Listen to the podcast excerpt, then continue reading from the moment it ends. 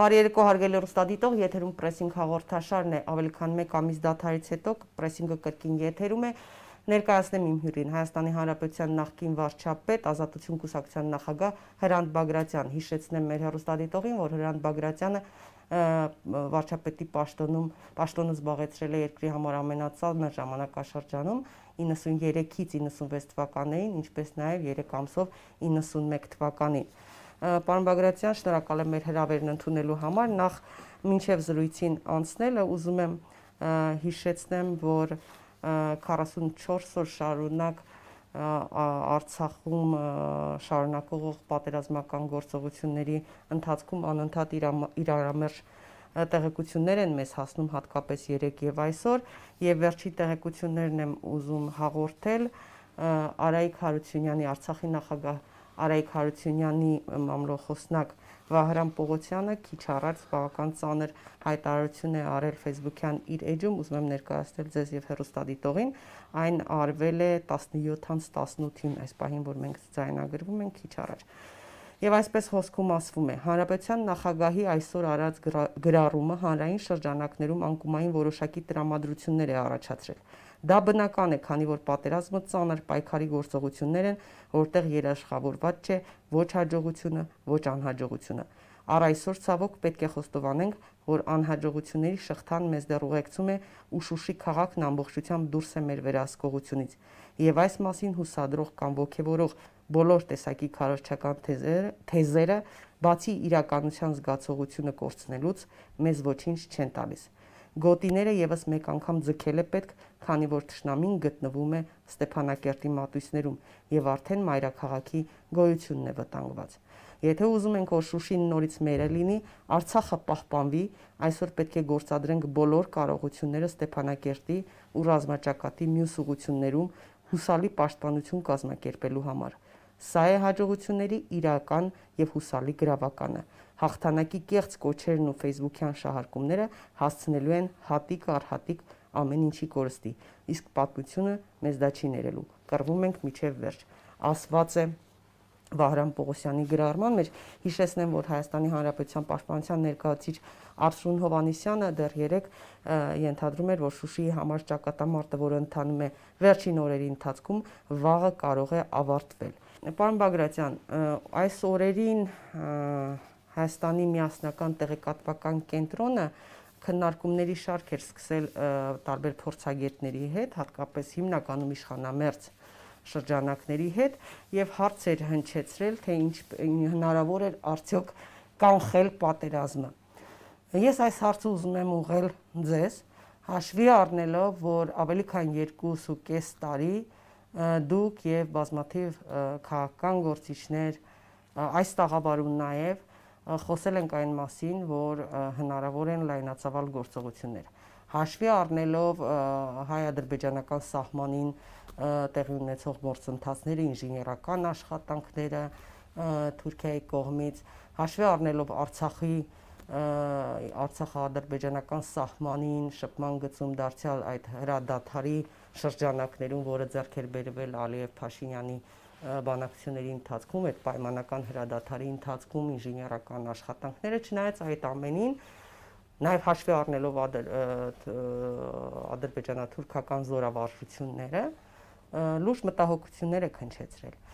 Հիմա նույն հարցն եմ հնչեցնում։ Հնարավոր է կանխել այս պատերազմը, թե ոչ։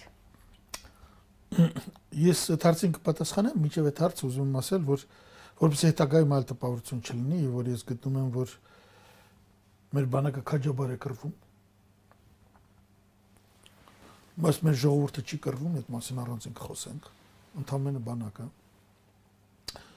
Մենք կրվում ենք այնպես, որ բանակը ժողովուրդը չէ։ այդքան էլ չէ։ Ես նկատում եմ թիկունքը։ Այդ մասին կխոսենք, իսկ մանրամասնից կասեմ։ Մի տեսակ էսպես ապավինել ենք նրան, դե ոչինչ, հա հազարավոր զոհեր ենք տալիս, շատ երիտասարդ ոսկե սերունդ են կորցնում, բայց դե ոչինչ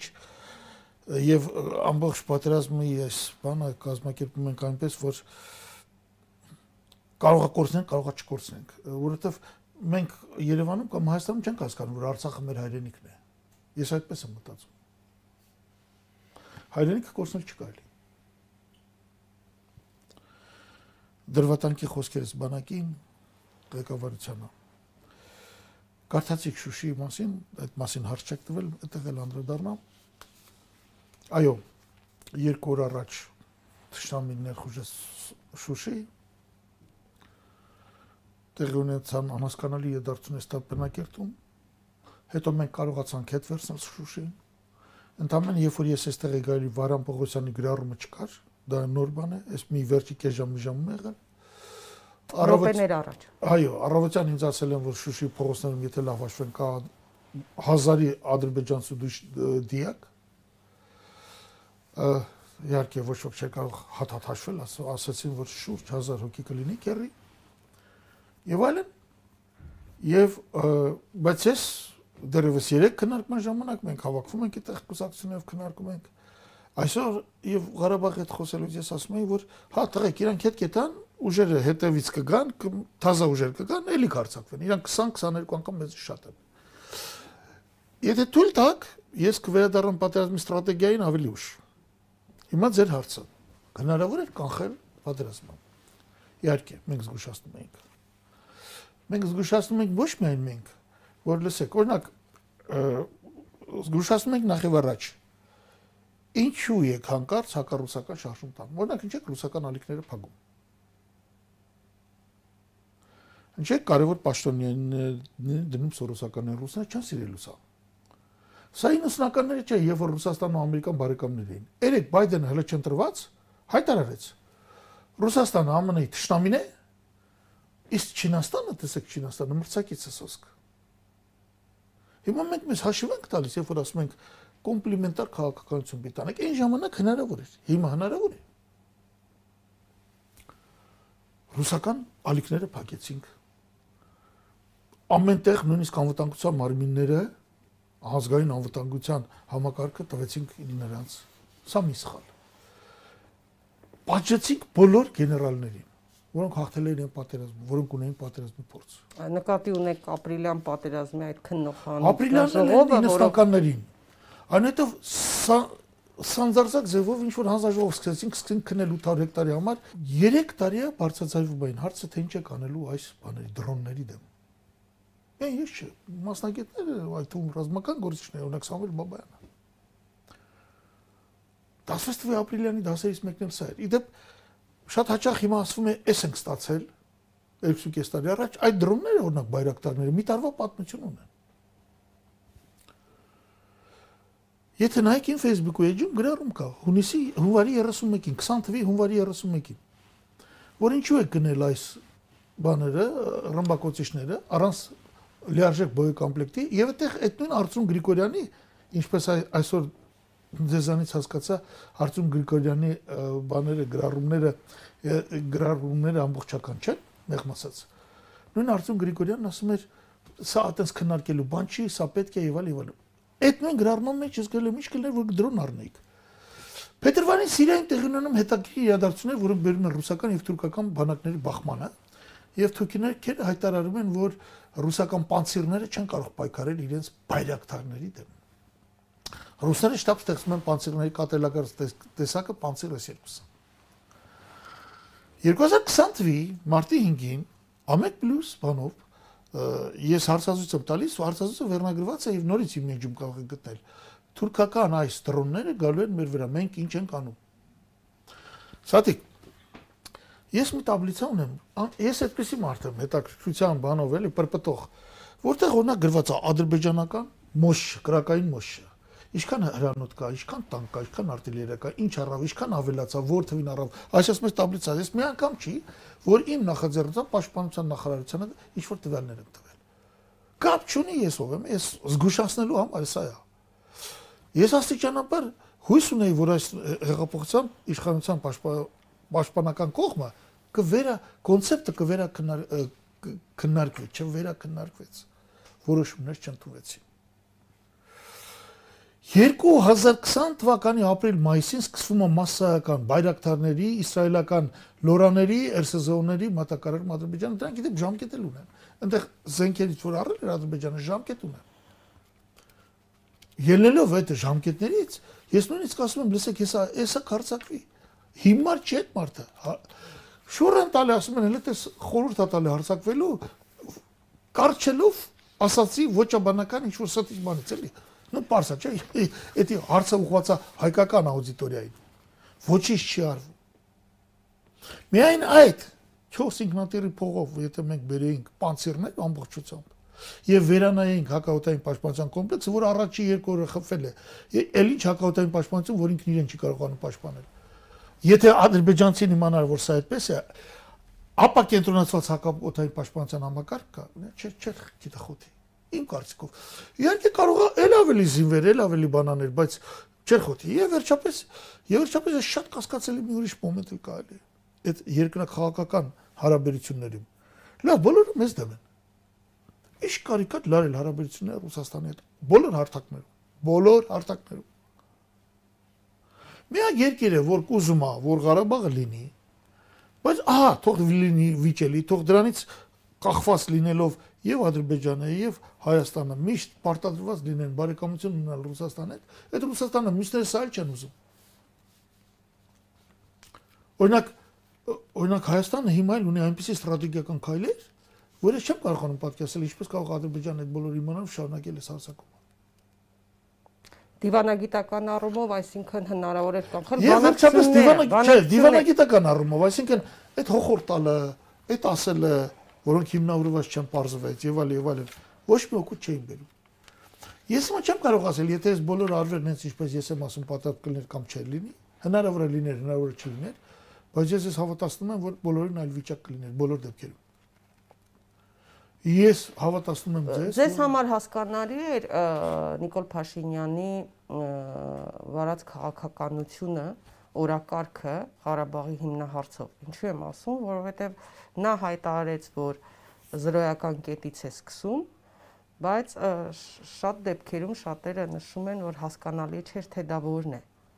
Ինչ թվում է Նիկոլ Փաշինյանն ընդհանրապես չի կարող ունենալ որևէ քաղաքականություն, ռազմական ոլորտում, արտաքին քաղաքականության մեջ, տնտեսական հարցում որևէ համակարգ անընդունելի է նրա համար։ Նա իրացիոնալ մտածելակերպ ունեցող ազնվորություն է նա կարող է մի բան քանդել, ավերել, ասել, այսքան թալանել են այս հնարը, հետո արդյունքում է, որ ոչ մի բան չկա կամ ոչ մի բան չի ապացուցում ինքը։ Ինքը տենց անդադ ասում է, տես կոչեր, բայց դրանց հետևում չկա։ Նա կարող ասել, օրինակ ասում է բյուջե միլիարդ դոլարով ավելացել է, այդպեսի բան չկա, հասկանում եք։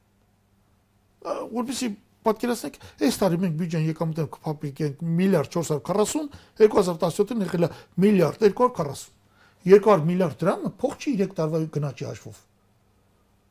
Իրա բյուջեն չի մեծացել նույնիսկ։ Մի պա, մի տոկոսով ավելացել էր բյուջե հնարավորություն, հիմա հետ եկել նորից։ Հիմա հասկանում եք, երբ որ ինքն ասում է, այդպես ամպագորգոր ձևով ասում է, սկսում եմ զորոյական կետից։ Զորոյական կետը որն է, -2 կետը որն է, +3.5 կետը որն է, ես պարզապես չեմ հասկանում։ Ինչն է սկսում զորոյական կետից, ինչ է զորոյական կետը։ Ես երբեք չեմ չեմ լսել։ Ես ասես ճորոն բառը լսում եմ։ Գուցե ինքը հասկանում է, գուցե ես չեմ հասկանում։ Ես չեմ լսել, ինքը ես չեմ կարող հասկանալ ինքը ինչ ուզում անի։ Ինքը տարական աշխատանքներ, որոնք վարչապետի պարտականություններն չի անում, ոնց որ ասած իր աշխատասենյակում չի աշխատում ու բաներ անում։ Ինձ համար տարօրինակ է, երբ որ հանրապետության վարչապետը ասենք րոպե մեկ լայվեր էր մտում, ինչ որ բաներ էր ասում։ Պարոն Բագրատյան, պատերազմի հենց առաջին շաբաթվա ընթացքում տարբեր քաղաքական ուժերի, քաղաքական գործիչների կողմից հասարակության տարբեր շերտերի ներկայացուցիչների կողմից հարցեր հնչեցվում, ինչու Հայաստանի իշխանությունները չեն դիմում Ռուսաստանին աջակցության խնդրանքով։ Հոկտեմբերի 31-ին այնուամենայնիվ վարչապետ Նիկոլ Փաշինյանը նամակ հղեց Վլադիմիր Պուտինին մանրամասն ներկայացնելով Լեռնային Ղարաբաղի դեմ ադրբեջանա-թուրքական ռազմական ագրեսիայի հետևանքով ստեղծված իրադրությունը եւ առաջացած մարտահրավերները իհարկե նամակը ամբողջությամբ չի հրապարակվել, միայն բովանդակության բովանդակությունից որոշ կտորներ են ներկայացվել նաև ասվել է, որ մեջբերում եմ արտգործնախարարության տարածած հաղորդագրությունը հա, հաղորդագրությունից մի հատված հաշվի առնելով մարտական գործողությունների Հայաստանի Հանրապետության սահմանին մոտենալու, Հայաստանի Հանրապետության տարածքի նկատմամբ արդեն իսկ տեղի ունեցած ոտնձգությունների փաստերը, վարչապետ վարչապետը դիմել է Ռուսաստանի նախագահին սկսելու անհապաղ խորհրդակցություններ սահմանելու աջակցության տեսակները եւ չափը, որը Ռուսաստանի Դաշնությունը կարող է հատկացնել Հայաստանի Հանրապետությանը իր անվտանգության ապահովման համար հիմք ընդունելով Հայաստանի եւ Ռուսաստանի միջև դաշնակցային հարաբերությունները եւ 97 թվականի օգոստոսի 29-ի բարեկամության համագործակցության եւ փոխադարձ աջակցության մասին պայմանագրի երկրորդ հոդվածը։ Սրանի պատասխան իհարկե Հայաստանի Հանրապետական կուսակցության խոսնակ Էդվարդ Շարմազանովը ի պատասխան 168 ժամի հարցի նա արձագանքել էր այդ նամակին Փաշինյանի ասել էր որ պետք էր ոչ միայն այդ համագործակցության հուշագրին հողում կատարել պայմանագրին, այլ մեջբերել էր նաև Հայաստանի Հանրապետության եւ Ռուսաստանի Դաշնության միջև 95 թվականին կնքված Հայաստանի Հանրապետության տարածքում ռուսաստանյան ռազմակայանի մասին պայմանագիրը, ընդ որում այդ պայմանագրում հետագայում 10 եւ 16 թվականներին կատարվել էին մի քանի արմատական փոփոխություններ, հա, բացի այդ նաև 2016 թվականին ստորագրվել է Հայաստանի Հանրապետության եւ Ռուսաստանի Դաշնության միջև Հայաստանի Հանրապետության զինված ուժերի եւ Ռուսաստանի Դաշնության զինված ուժերի զորքերի միացյալ խմբավորման մասին համաձայնագիրը եւ այլն եւ այլն։ Ինչու նախ այդ դիմումի մասին խոսենք, հա ճիշտ էր արդյոք այդպես այդ բովանդակությամբ դիմելը Ռուսաստանին ուշացած չէր արդյոք ինչու ենք հապաղում ինչ դիմումներ կար որ պիտի արվեր Հայաստանի եւ Ղարաբաղի իշխանությունների կողմից ինչ եմ ես առաջարկել քաղաքական քայլերը բոլորը թվարկեն թվարկման մեջ պատասխանը կգտնեք առաջին ես ասել եմ պետք է շտապ ճանաչել Հայաստանը Ղարաբաղը Հայաստանը պիտի ճանաչի Արցախը դա դուրը չէր գա գուցե Մինսկի համանախագահ երկրներին գուցե Ռուսաստանը դուրն էլ չգար Բայց այս ընթացքը ցույց տվեց, որ այդ ճանաչման արդյունքում մի քանի երկիր կային, որ կճանաչեին Արցախը։ Ռուսաստանը գուցե ձևաներ, որ չի ուզում դա, բայց արդեն երկրորդը։ Ճանաչումից հետո ինձ թվում էր, որ Արցախի խորհրդարանը որ մտել է Ռուսաստանի կազմի մեջ կարճամ Թուրքմենչայի պայմանագրով, թե Գյուլիստանի հաշտության պայմանագրով, ինքը կարող էր ասել, որ ես երբեք Ադրբեջանի կազմ չեմ մտել։ Հասկանում եք Ղարաբաղի խանությունը, պարսկական տիրապետությունը փոխարինել է բանով ռուսական տերապետությամբ։ Երորդ, այդտեղ եղավ Արայիկ Հարությունյանի դիմում Պուտինին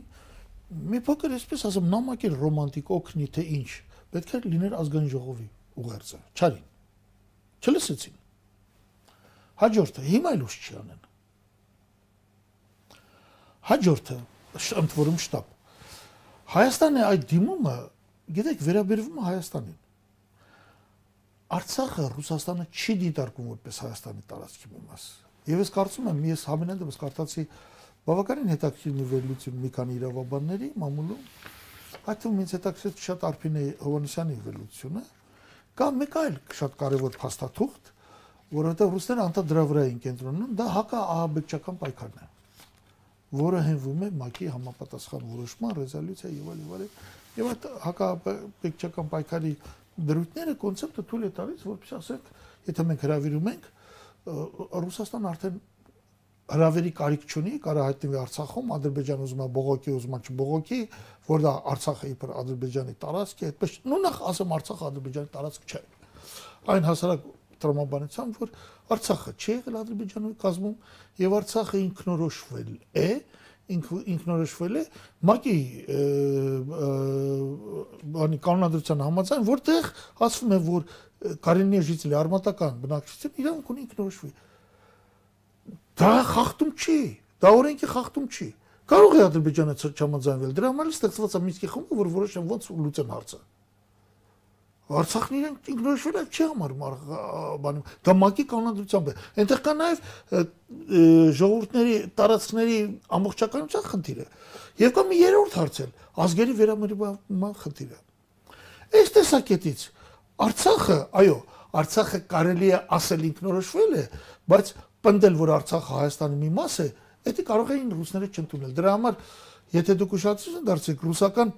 ղեկավարությունը մի քանի անգամ նշեց ԱԲԿ-ների մասին, երկու անգամ Նարիշկինը, մի անգամ Լավրովը, եւ ինձ թվում է ոնց որ իրանք իշմարտ տային մեզ, նշան տային, թե էս հիմքով մեզ դիմեք, եղբայր։ Իդեպ մի մի ճշտում էլ հա Էդվարդ Շարմազանովը խոսելով անդրադառնալով նաև Ռուսաստանի Դաշնության ԱԳՆ-ի արձագանքին, որտեղ Փաշինյանի այդ նամակին, ոչ թե Պուտինի գրասենյակից էին արձագանքել այդ այլ արտգործնախարարությունից ասել էր, որ Հայաստանի Հանրապետության զինված ուժերը պետք է հիմնավոր կերպով վերադիսլոկացիայի ենթարկվեն, որպեսզի Հայաստանը ապահովի Արցախի անվտանգության երաշխավորի իր առաքելությունը։ Կարծում եմ սա էլ կարևոր հանգամանք է, որտեղ ի վերջո Հայաստանն է Արցախի անվտանգության երաշխավորը եւ ակնարկ էր թերևս, որ կանոնավոր բանակը կարող է ուղվել իգործ Արցախի պաշտպանությանը եւ ռուսական կողմը կարող է ապահովել Հայաստանի պաշտպանությունը։ Հայաստանի պաշտպանությունը սա կարևոր ինձ տեղափոխման մասն ռակիրովկայի մասն այո։ Այո, այո, սա կարևոր բան։ Ինչու սա էլ չարեցին։ Սաթիկ ջան, ես ինչ կարող եմ ասել, այլոց հետ միասին եւ առանձին եւ այլոց հետ միասին առաջարկեցինք այդ մարդուն, իսկ չհանդիպեցել Ես պատերազմ տարած հաղթած վարչապետ եմ։ Չեմ ասում ես գնացի հաղթեցի նախագահել կար, ամեն ինչ կար, Ղարաբաղել կար, բայց պատերազմի բոլոր հաղթանակներն են եղան այն բանից հետո, երբ որ դարձա վարչապետ։ Հիմա բախտս բերեց, սենց ասենք, հա։ Ոչ հանդիպեց, ոչ բան։ Առաջարկեցինք օպերատիվ շտաբ, գանք աշխատենք, այ մարդ անենք, ձերի քո համար։ Հախուրն պայթյունային, էմոցիոնալ, ոչ հավասարակշռված այս դիրքից մեր վարչապետը դուրս չեկավ մեր այդ խոսալու փոխարեն ինքը հանկարծ եթե զգում է միտեղ կարա գնա մեկի հետ հանդիպի, մի ճառասի գնում այդ ճառն ասում, դա դա չի, դա ճիշտ։ Եվ այդ մեկը դու ես, եւ այդ մեկը ես եմ, եւ այդ մյուսը նա է։ Այսպեսի բաներ ասում։ Կոնկրետ գործողություններ են պետք։ Պրոֆեսիոնալ գործողություններ։ Նույնիսկ այս բանը դիմում է, դիմում է։ Թող հրավիրել բոլորին մենք իրենք ասենք ահաբեկչության մոմենտով դիմի։ Ռուսաստանին։ Այո։ Դե հիմա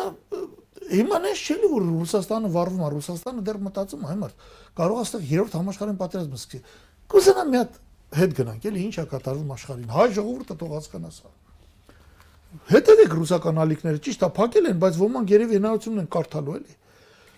Ռուսական կրեմլյան կայքերը աշխարհը դարձավ բազմաբևեռ, էլ գլոբալ աշխարհ չկա, բազմաբևեռ է։ Եվրոմիությունը ռեգիոնալ է, ռեգիոնալ լիդերներ են։ Ռեգիոնալ լիդերը Եվրոմիությունը ԱՄՆ-ն ռեգիոնալ լիդերը անգլոսաքսոնական աշխարհի ԱՄՆ, Բրիտանիա, Նոր Զելանդիա, Ավստրալիա եւ Կանադա։ Ռուսաստանը լիդերը է այս մասում։ Ռուսաստան պլյուս մի քանի փոքր պետություն նախկին սովետական միությունից։ Հիմա ուզում է լիդեր դառնա նաեւ Թուրքիան։ Թուրքիան վերացնի Ղարաբաղից հետո նաեւ Զանգեզուրը, Ադրբեջան թուրանական աշխարհ։ Ռեգիոնալ լիդերը դարել Չինաստանը։ Նրա հետ մի երկու պետություններ կան, մասնավորապես Հյուսային Կորեան, բանը դասա նո փորձում էին Ֆիլիպինները, հիմա չգիտեմ ինչպես կստացվի եւ այլ եւ այլն։ Հիմա Պակիստանը հիմա հայերին այո կարող ամերիկացիք սիրում են, բայց ասենք բրիտանացիք չեն սիրում, այդպես կամ ընդհանրապես չեն ուզում հիշեն հայկան թե չէ։ Եվ նրանք ամեն ինչ անելու են, որ այս նոր ձևավորվող բևերը, թուրքական բևերը, թուրանական բևերը, բախվի ռուսականի հետ, շահերի հետ։ Եվ դուք հասկանում եք, որ այսօր Ադրբեջանը փաստորեն ըստ էության կարելի ասել, որ ՆԱՏՕ-ն հարձակվել է մեր վրա։ Այդպես է։ Մեր վրա կրվել են կրվում են թուրքական խորհուրդները, թուրքական զենքն է կրվում, ՆԱՏՕ-ի զենքն է դա բայրակտար կոչված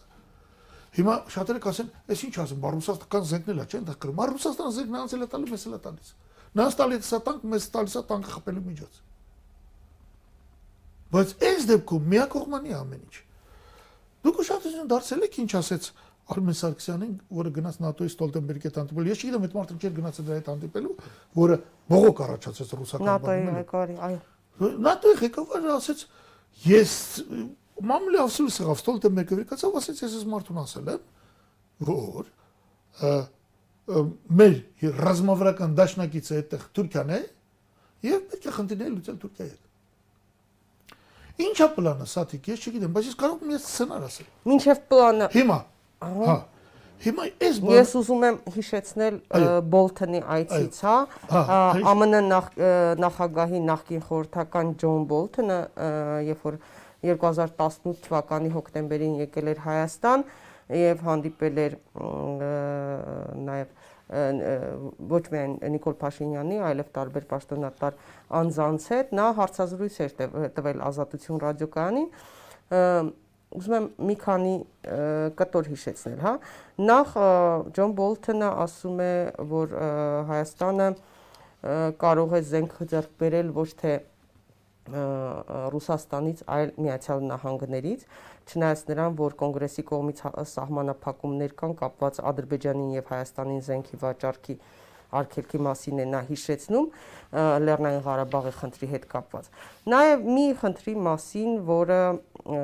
մի հարցի մասին Ազատություն ռադիոկայանի ղեկավարը Հայաստանյան գրասենյակի ղեկավարը հարցնում է, որ ասում է, որ մենք շրջապատված ենք երկրներով, որոնք մինչ օրս բլոկադայի են ենթարկում Հայաստանը, Ադրբեջանի հետ Դա Լեռնային Ղարաբաղի հակամարտության պատճառով է Թուրքիան նույնպես, քանի որ շատ ծերտ հարաբերություններ ունի Ադրբեջանի հետ, շրջափակման մեջ է պահում Հայաստանին։ Իրանը մեր ամենամեծ հարևանն է, բայց Ամերիկայի Միացյալ Նահանգները Իրանի նկատմամբ պատժամիջոցներ է կիրառում։ Ռուսաստանը նույնպես պատժամիջոցների թիրախ է, բայց Ռուսաստանը մեծ շուկա է, այդ թվում աշխատուժի շուկա է Հայաստանի համար, որոնք են Հայաստանի տարբերակները այստեղ։ Եվ ահա Ջոն Բոլթոնը ինչ է ասում որ կարծում եմ, մեջբերում եմ նրա խոսքը, որ ներկայիս հանգամանքներն ընդգծում են Լեռնային Ղարաբաղի հիմնախնդրի շուրջ փոխադարձ համաձայնության հասնելու կարևորությունը, քանի որ եթե դա տեղի ունենա, կբացվի հայ-ադրբեջանական սահմանը, Թուրքիայի հետ սահմանը կարծում եմ եւս կբացվի եւ կարծում եմ որ որ Վրաստանի հետ սահմանը կարող է ավելի քիչ անհանգստություն առաջացնել այն առումով թե ինչ ճնշում կգործադրեն նրանց նկատմամբ ռուսները Նշեմ նաև, որ դրանից հետո հանդիպում ունեցավ Միացյալ Նահանգներում նաև ազգային ժողովի նախագահ Արարատ Միրզոյանը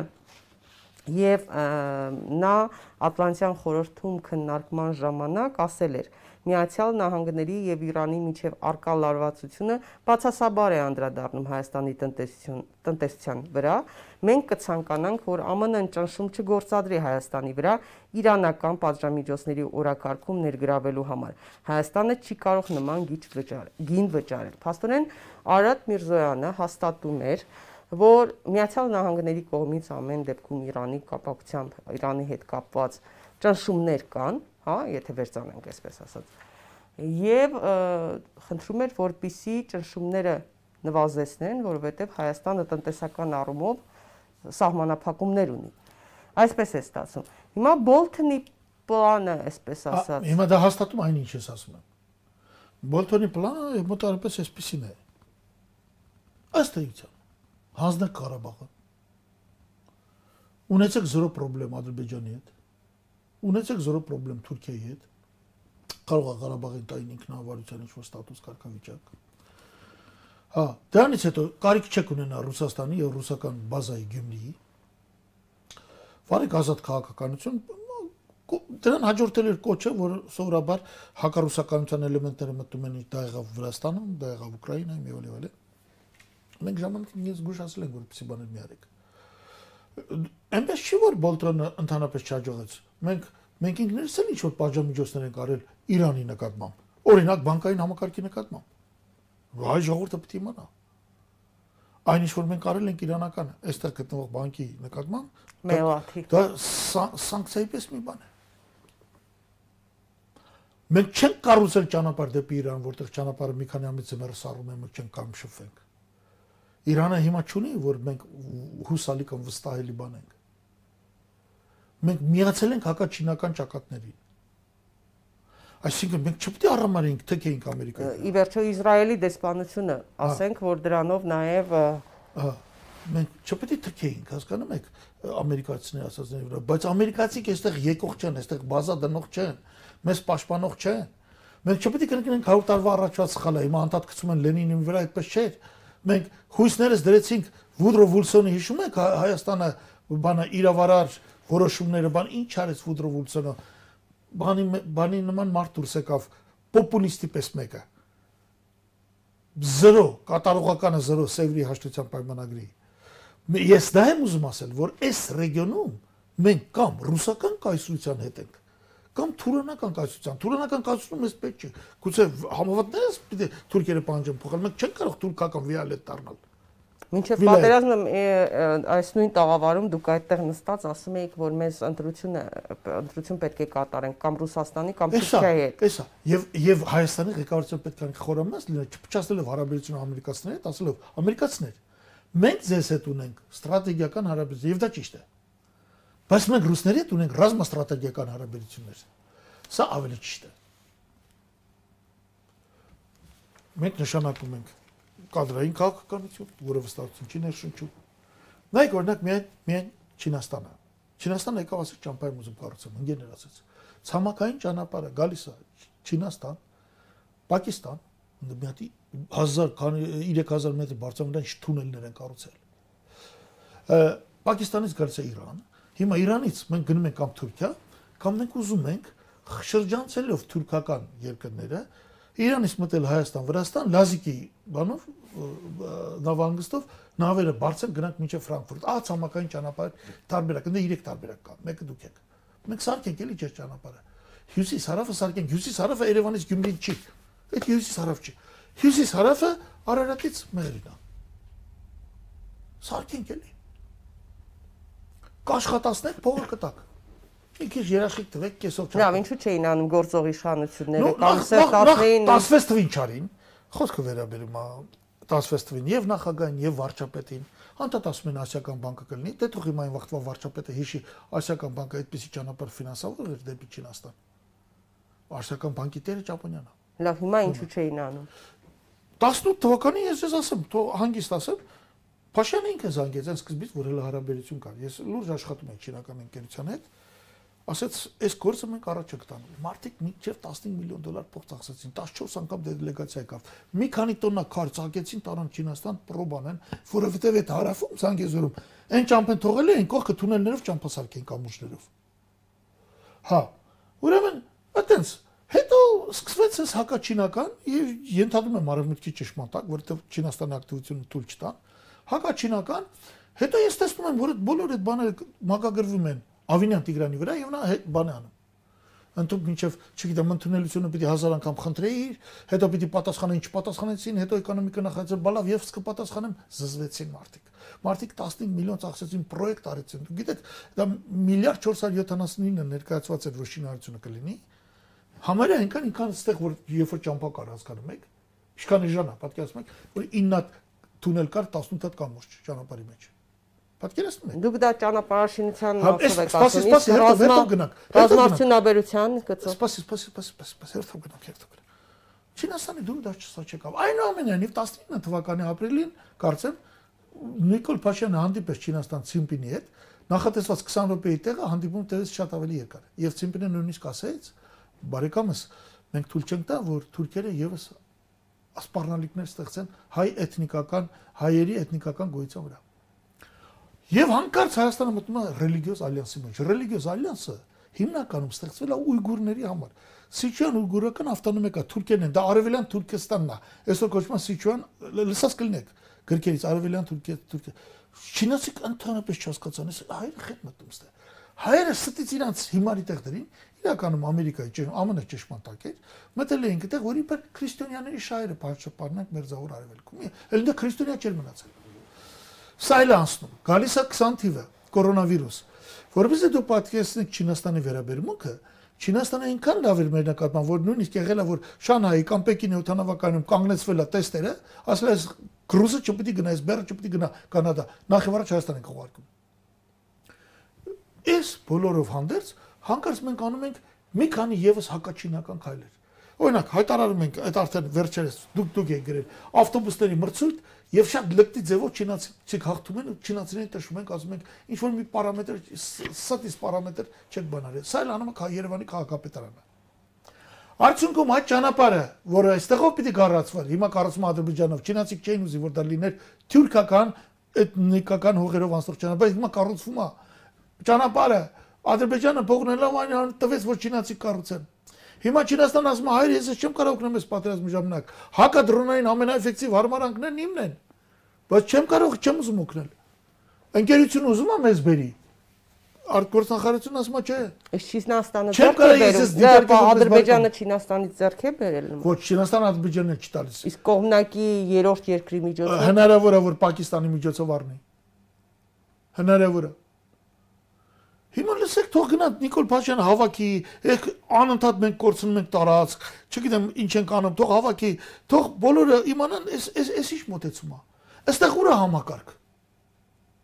Որն է այստեղի համակարգը։ Մենք կանոն ինչի տշեցինք Չինաստանի ման հզորտությունը արդեն երկու երամսյակա անընդմեջ աշխարհի համար մեկ տնտեսությունն է։ Եվ աշխարհի իդեպ ինովացիոն առումով ամենազարգացած տնտեսությունն է։ Մենք ինչի ենք ասած բանանում։ Դե դու բերի ամերիկան օգնի։ Թողա մի հատ ամերիկյան զինվոր կանգնի այնտեղ բանանի։ Շատերն ասում են լավ ժամանակ են ընտրել խառն են պրեզիդենտական ընտրությունը, սա դիտես բան չկա։ Ստրատեգիական գործընկերին պրեզիդենտական ընտրությունը չպետք է խանգարեր։ Թող անեն։ Ես Ամերիկային դեմ չեմ։ Բայց Ամերիկան բոլորն ասում են, լսեք, այդ մի հատ Վրաստան կառուցը տկրակն ենք, թանկան նստում ին վրա։ Ես այդտեղ եկող չեմ։ Դա ինձ հետաքրքիր է, բայց իմ կենսական շահերի մեջ չմտնող տեղը Հայաստան կոչվածը, Արցախ կոչվածը։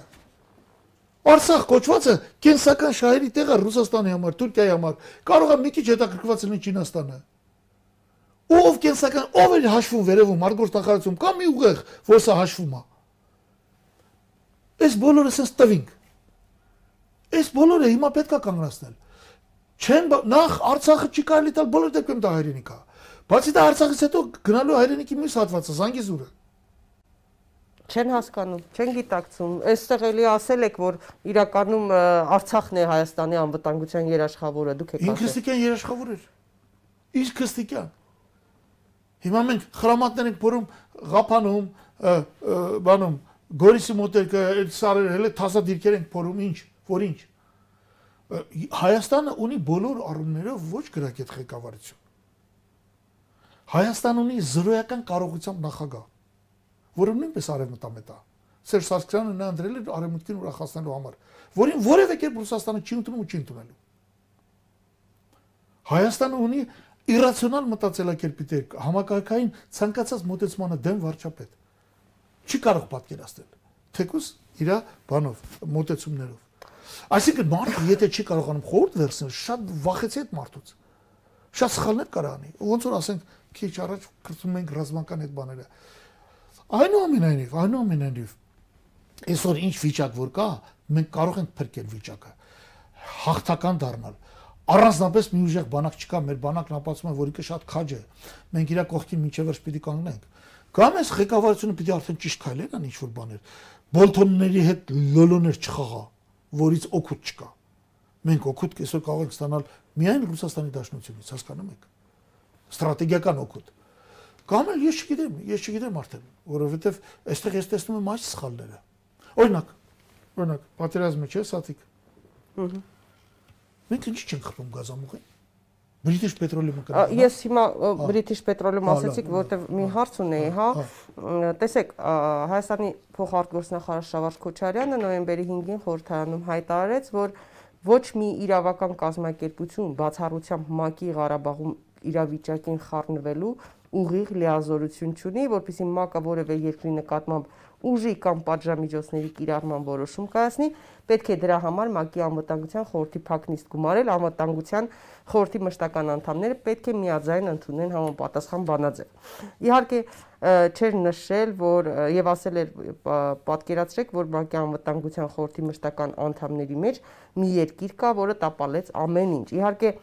Շավարժ Քոչարյանը չէր նշել այդ երկրի անունը, բայց ՄԱԿ անվտանգության խորհրդի մշտական անդամները Ռուսաստանը, Միացյալ Նահանգները, Ֆրանսիան, Չինաստանը, Մեծ Բրիտանիան ընդամենը 5 երկիր, հա։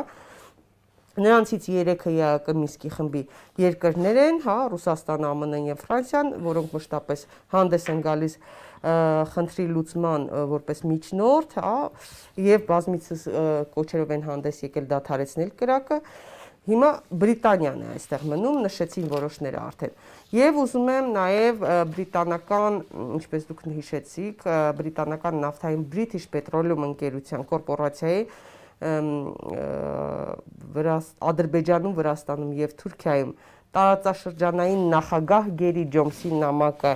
հիշեցնեմ հերոստադիտողին էլ Ադրբեջանի վարչապետին ուղված Լեռնային Ղարաբաղի հակամարտությունում հանդես գալով հոգուտ Ադրբեջանի նա ցավակցել էր զոհերի գնդակոծությունների համար եւ հայտարարել, որ British Petroleum-ի աշխատակիցներն ամեն ջանք գործադրել են գազի եւ նավթի անխափան արտադրությունն ու տեղափոխումը ապահովելու համար, հա։ Տնտեսական շահերը ակնհայտ են եւ Ադրբեջանի, Բրիտանիայի, Թուրքիայի կապերը հասկանալի են։ Հիմա իմ որքան հիշում ենք Արմեն Սարգսյանը բավական լավ կապեր ուներ եւ բրիտանական իշխանությունների հետ եւ British Petroleum-ի դրա մասին նաեւ նշվել է մամուլում ինչու որևէ բան հնարավոր չէր անել այս ընթացքում։ Սա Արմեն Սարգսյան ինչքան Բրիտանիայում դեսպան եղել, այս դեռ Տեր-Պետրոսյանն եմ ասել մենք այդ երկրի հետ երբեք որևէ հարաբերություն չենք ունեցել։ Այսինքն? Նա միշտ դեմ է եղել Ղարաբաղի հարցին հայկական լուծման։ Ինչ է նշանակում դեմ է եղել։ Բացատրեմ։ Ես ենթադրում եմ, որ Բրիտանիայի հետ մենք դեռ երկար առաջիկա 100 տարին էլ մենք լավ հարաբերություններ չենք ունենա։ Որովհետև մենք ռուսների հետ լավ ենք։ Բրիտանիայի համար մեկ ճշտամին շատ ավելի կատաղի ձևով քան թե Միացյալ Նահանգների համար Ռուսաստանն է։ Հասկանում եք։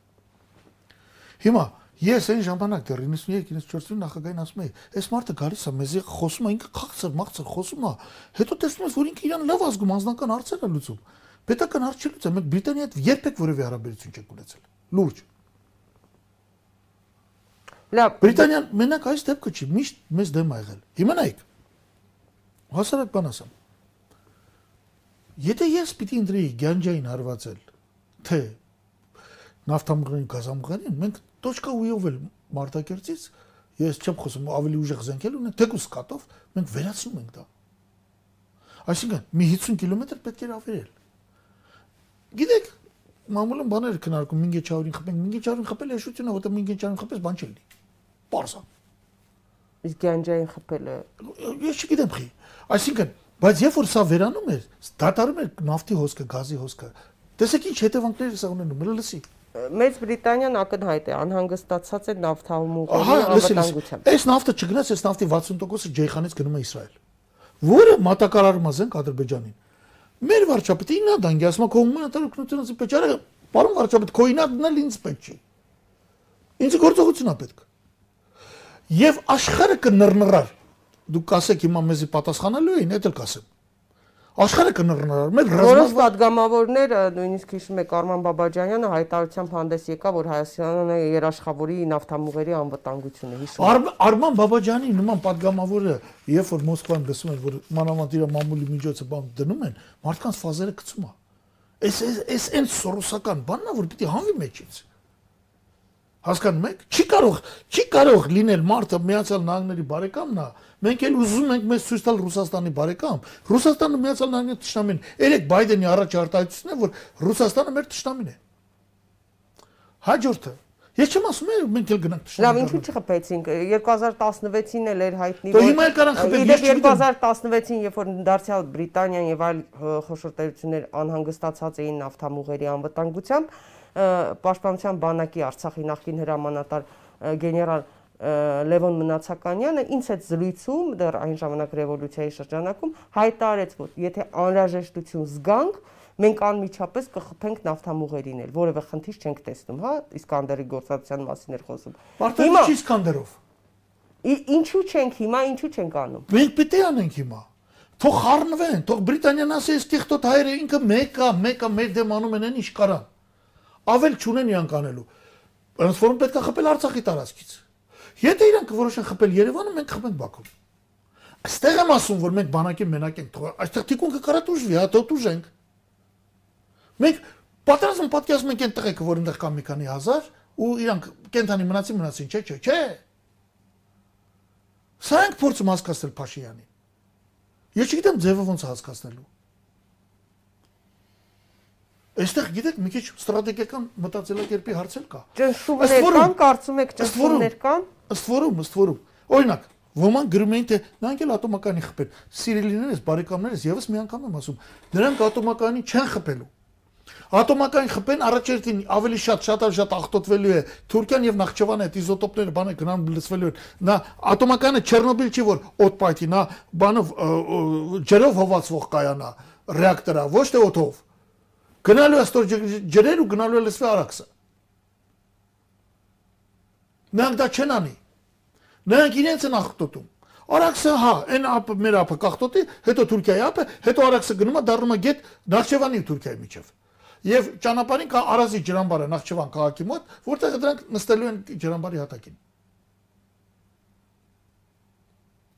Այս բաները չի բացատրվում, մարդ չկա։ Ես օրինակ, ես հոսու 30-ի մասնակից չեմ, որ ինքնաթիռը գնում են, ես արձագանքում եմ ասում, բայց ավելի ճիշտ չէ հակաօտային պաշտպանության միջոց լոկալ ապակենտրոնացված։ Պատերազմի առաջ օրը խփում են հակաօտային պաշտպանության բանը համակարգ ամբողջ վերացնում են մեր Ես խոսում եմ Պանցեր S2-ի մասին կամ էլ չինական համակարգերի մասին։ Որ ախապան խփում է դրոնը։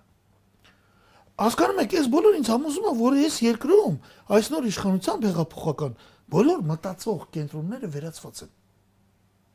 Դե հիմա դուք խոսում եք, օրինակ, տեսեք, Վազգեն Մանուկյանը նախկին վարչապետ պաշտպանության նախարար Վազգեն Մանուկյանը հայտարարություն արեց, հա,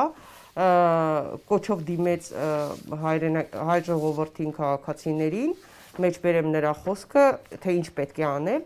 Այս կառավարությունը պետք է հրաժարական տա բանակին հանձնելով ողջ իշխանությունը, ընդ որում դա պետք է անի կամավոր առանց ցնցումների, որոնք կարող են կործանարար լինել եւ երկրորդ բանակը իր ձեռքը վերցնելով ողջ իշխանությունը պետք է կազմի միասնական պաշտպանության կոմիտե Արցախի հետ միասին կազմակերպելով պատերազմական ներկա իրավիճակին անհրաժեշտ միջոցառումներ ապահովելով վստահություն եւ գնալով բանակցությունների շահագրգիռ պետությունների եւ միջազգային կառույցների հետ սա միակ փրկությունն է հակառակ դեպքում մենք կարող ենք կորցնել ամեն ինչ Վազգեն Մանուկյանը հոկտեմբերի 27-ին այս հայտարարությունը արեց որին դուք միացաք էլի գործիչներ եւ իշխանամերձ շրջանակները եւ իշխանության առանձին ներկայացուցիչներ ձեզ բոլորիդ մեղադրում էին, որ դուք ուզում եք օգտվել քաղաքական պատերազմական այս իրավիճակից եւ իշխանապողություն անել իշխանության գալ։ Բայց չէիք ասել,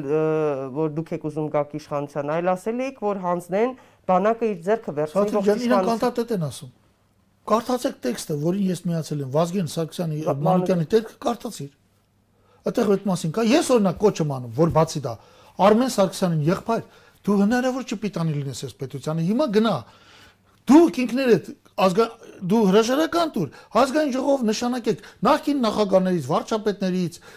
պաշտպանության նախարարներից, որից մեկին, եթե դուք ունեք ձեր կադրին, ձեր կադրին նշանակեք։ Միայն թե Ռուսաստան ընկալի, որ փոխվում, հա, այն մարդկանց, որ հետ, որ ինքը ճուզում աշխատի։ Արմեն Սարգսյանի հետ էլ չի ցանկանում Ռուսաստանը աշխատի։ Իհարկե։ Ինչու, բայց նշվել է, որ լավ հարաբերություններ ունեն։ Հանա, նա, նա բոլորին ասում է, բոլորին շփոթում են լավ հարաբերություններ ունեն։ Թող մի հատ գնա, թող մի հատ բան աներ։ Նա British Petroleum-ը հետ լավ հարաբերություն ունի։ Իրա British Petroleum-ը հիմա տես ինչ հայտարարություն անում։ Նա բոլորի լավ հարաբերություն է։ Նա բիզնեսները գտնում են Ուզբեկստանում, Ղազախստանում, բան չունեմ ասել, սուննի մամեդական երկրներ են։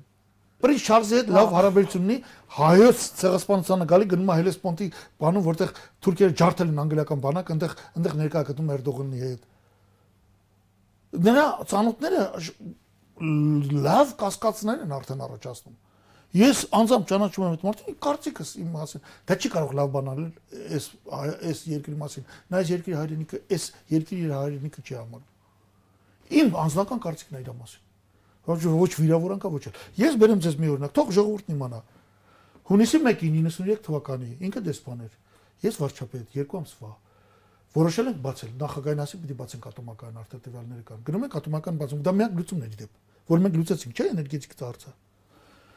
Ինձ համոզում է, որ պետք չի։ Գնում ենք Ատալի հետ հանդիման ինքն է գալիս։ Ատալին ինձ այնպես բանով, Ժակ Ատալին, EBRD-ի, Եվրոպական բանկի պրեզիդենտի ժամանակ կար այդպիսի մարդ, Ժակ Ատալին Խոսում ենք եւ հանգարց եկավ ասում է, գիտես, ասում է 50 միլիոն ֆունտ ստերլինգ տամ, ֆունտ ստերլինգ տամ։ Օգնություն տանք էներգետիկ ծրագրերի վրա ծախսեք ատոմականը մի բացեք։ Սացիկ ատոմականը միակ դեպքն է, որ Ամերիկայի Միացյալ Նահանգների պետը դիմում ագրի Հայաստանի Հանրապետության վարչապետին։ Նամակ ագրել, ասում եմ դիմում։ Ինչ էր ասում նամակում։ Չգիտեմ, չեմ կարող ասել։ Ինչու։ Որովհետև իրան ասել էին, որ պրեզիդենտը ստեղ ասել է, թե вообще-то կառավարության գործն է, վարչապետն է որոշել։ Իհարկե նախագահի դաբրոն կար, բայց վարչապետն է որոշել։ Միակ դեպքն է տամակ է սպայել։ Չեք կարող ասել ինչ էր ասում նամակում։ Հորդորում էր չբացել։ Հիմա ես տեսնում եմ, որ սա լուծում է մեզ ատոմակայանը։ Ռուսաստանն եկավ բաց առաջի անգամ ռեակտորը բացվեց կանգնելուց հետո եւ ռուսները Հորդանանում օրինակ տենդեր էր Թուրքիայում ասում էին մեր ես ռեակտորները VVR 440 ռեակտորները ամենալավն են տեսեք կանգնելուց հետո նույնիսկ կարելի է բացել Ես համոզված եմ ատոմակարգ չբացենք Հայաստանը։ Ինչ կապում էր ուներ Արմեն Սարգսյանը։ Հիմա Արմեն Սարգսյանը նստած ասում է, «Ես հաղթանակ ասում, անձի ասում»։ Ես խոսում եմ, է։ Կողքից անդադ։ Ես հակելը հաղթանակ։ Պարոն վարչապետ, 50 միլիոն ֆուստերլիկը վեկալում ենք հաղթանակա։ Ես թվաց ասի ձայնդ գդիկ թող կամ էլ թող գնա։ Եվ շարունակում եմ խոսակցություն Ատալի հետ։ Ատալիից ես ուզում եմ 1.5 միլիարդ ֆունտ ստերլինգ 50 միլիոնի փոխարեն։ Ասես ինչ ես այդքան ուզում։ Ասի ամբողջ էներգետիկան վերակառուցեք։ Ասի հենա այնեղ Դանյան Դանյան նոր սկսել է։ Դանյանցիկ բան է սարքում վետրավոյ, քամու էլեկտրականներ, ասի բերեք թանկ-թանկ դնենք։ Եթե ուզում եք, ասի ես ստաբիլ վերարտադրության բան պիտի ունենամ։ Հասկանում ես։ Ատալին ասես դուք հասկանում եք, որ այդ խոսակցությունը սրանով կավարտվի։ Այդպեսի թվեր չկան։ Դե այն վաղվան 1.5 միլիարդ ֆունտ ստերլինգ ինչ փող էր պատկերացրում։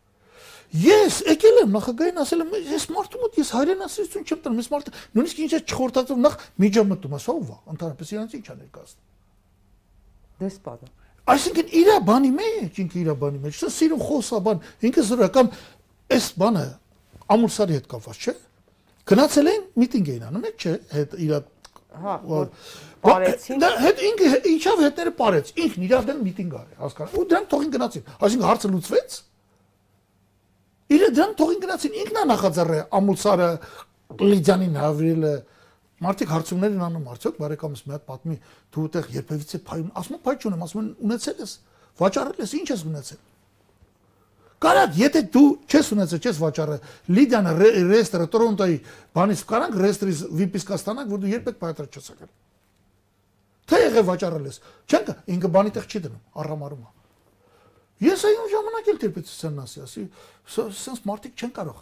բան չունենալ։ Սա միայն մանա գալի իր անձնական կոմֆորտով։ Սա հետաքրում իր անձնական կոմֆորտը։ Հիմա էլ կոչ եմ անում։ Դրեք բացահայտ պրո ռուսամետ մեկին, ով ուզում եք գտեք ինչ արեք։ Գոնե Մոսկվան իմանա, որ որովհետև Մոսկվան ասում է լավ, հիմա ես ում եմ օգնում մեկ մեկ մեկ թվում օրինակ Սատանովսկին ասում է այսպես կամ Կեզմին դուք հիմա եք ինչ եք Հայաստանը վերջապես բանա անձի հետ մի խառնեք չէ խառնում է Մոսկվան Մոսկվան խառնում է մենք ամեն օր լսում ենք չէ Սալավիով բան լսում ենք չէ ամեն օր դա ասում մենք ում համար ենք լավություն անում կարող է սկսվի պատերազմ շատ ավելի սաստիկ քան թե Սիրիայում մենք եւ թուրքերը իրար հակնենք մենք ում ենք օգնություն տալիս։ Լավ, ինչ պետք է անենք այս իրավիճակում։ Արմեն Սաքսյանին անենք, դրանք պրոռուսամետ 1։ Նիկոլ Փաշյանը պիտի ստեղծի այդ կոմիտեն, լիազորությունը քաշվի մի կողմ կոմիտեն կառավարի։ Այս պիտի արվի։ Տիգրան Ավինյանին գործից հանենք։ Տապալելու համար այս ծրագրերը, Չինաստանի ծրագրերը։ Հələ կոവിഡ്ն էլ ձեզի բան, փեշքեշ։ Վատագույն ցուցանիշներից մեկն աշխարհում։ Վատագույն 5-6 երկրներից մեկն ենք։ Իդեպ ինչ անդրադառնալը որոշ քաղաքական հարցերի ատոմականը մի քանի ամսով դադարեցնում է աշխատանքը աշխատանքներ են տարվելու հնարավոր է հանկարծ վատագույն սցենարի դեպքում չբացվի կամ ռուսական կողմի որոշ ծրագրեր դադարեցվել են։ Ընդհանրապես sense է, նա 9 ամիս աշխատում է, հետո 1-2 մի ամիս կանգ առնում, 1.5 ամիս։ Կարող է հնարավոր է սա հերթական լինի։ Հնարավոր է հերթական, ես չգիտեմ, տեղեկություն չունեմ։ Պարոն Բագրատյան, հիմա Դուք նախ ուզում եմ խոսենք, որքանով եք տեղյակ, ինչ հանգուցալուծում ունեցավ Արցախի նախկին նախագահներ Արկադի Ղուկասյանի եւ Բակո Սահակյանի նախաձեռնած հանդիպումը Լևոն Տեր-Պետրոսյանի, Ռոբերտ Քոչարյանի եւ Սերժ Սարգսյանի հետ որքան մամուլում մամուլում տեղեկություններ տարածվեցին, որ դիմել են որպիսի Ռոբերտ Քոչարյանը եւ Լևոն Տեր-Պետրոսյանը մեկնեին Ռուսաստան եւ փորձեին բանակցություններ վարել, սակայն Նիկոլ Փաշինյանը դժվարությամբ համաձայնելուց հետո առանց մանդատի համաձայն որևէ մանդատի համաձայնել է որ նրանք մեկնեն սակայն Ռոբերտ Քոչարյանի մոտ իդ էր փաստորեն թեստով հայտնաբերվել եւ չստացվեց ինչ տեղի ունեցավ իրականում։ Այ դա էլ տեղի ունեցավ, դուք ձեր հարցի մեջ պատասխանել կար Չգիտես ինչու Ռոբերտ Քոչյանի մոտ հայտնաբերեցին կ ូវ իդ։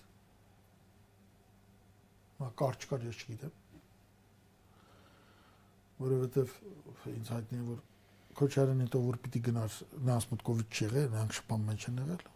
Իսկ այդ COVID-ի տվյալները որտեղ են միասին։ Սա գիտեք, ես լրիվ բան չունեմ, պատահի հետո սա բնորոշ է, Մոսկվան ինչի չի Փաշյանից գուշանում։ Նա 5 րոպեում կա կարծիքը փոխի։ Այժմ այդ մի օր ասես կապիտուլյացիա, մյուս օր հելած ասեց մենք կրվենք։ Նա 5 րոպե մեկ նա այդ բնավորության նորից եմ ասում, ոչ կայուն գիծը այդ բանի հոգեմետ իրավիճակի գրոպիական 170 փոփոխությունը նրա մոտ ակնհայտ է։ Նա բոլորն են արդեն նկատել Հասկանում եք։ Այսինքն ինքը մարդը չի որ մի գործ վեկալի սիստեմանորեն առաջ տանի։ Դες ինքը հետո չի սովորել, չի տեսել սիստեմատիկ աշխատանք։ Լավ, հոգոց մասնագիտական մասնագիտական համապատասխան կրթության բացակայությունը մասնագիտական իրան ցույց չի տալի կենտրոնանալու դից աշխատանքի։ Հիմա Քոչարյանը չէր կարող, չէ, ինքը թեստի պատասխան գրել որևէ ձևով։ Դե հիմա հիմա տարբեր բաներ, չգիտեմ, ես չգիտեմ ինչա տեղնուց է։ Կարողապատա Քոչարյանսկի կոവിഡ് էլ չէր, ասել են կոവിഡ് էս։ Որպիսի չգնա։ Հա։ Ես ինչ գիտեմ բայց դատարանով նրան թույլատրել էին, որ մինչև նոյեմբերի սկիզբը կարծեմ 7-ը։ Նո անցավ նոյեմբերի 7-ը արդեն է։ 7-ն է ժամկետը, որ կարող է Իդեպ դա եւս մի անգամ փաստեց, որ փաստեց, որ իշխանությունները մի անգամ վերջապես Քոչարյանը չէր գնում, թող Տեր-Պետրոսյանը մենակ գնար։ Նիկոլը թող խնդրեր։ Թող տար իրավունք։ Մանդատ։ Նրանց խնդիրը բանակցելը չէր, ինչ որ բանը։ Խնդիրը որ տեսեք, մեզի Փաշյանը բան է անում, վստահում է, եւ պարոն Վլադիմիր Վլադիմիչ Փաշյանը խնդրեմ ունեցել, կարելի է այդ մարդու վստահել։ Այսինքն այս գործողությունները շղթա։ Դե ինքն էլ կարող է ասել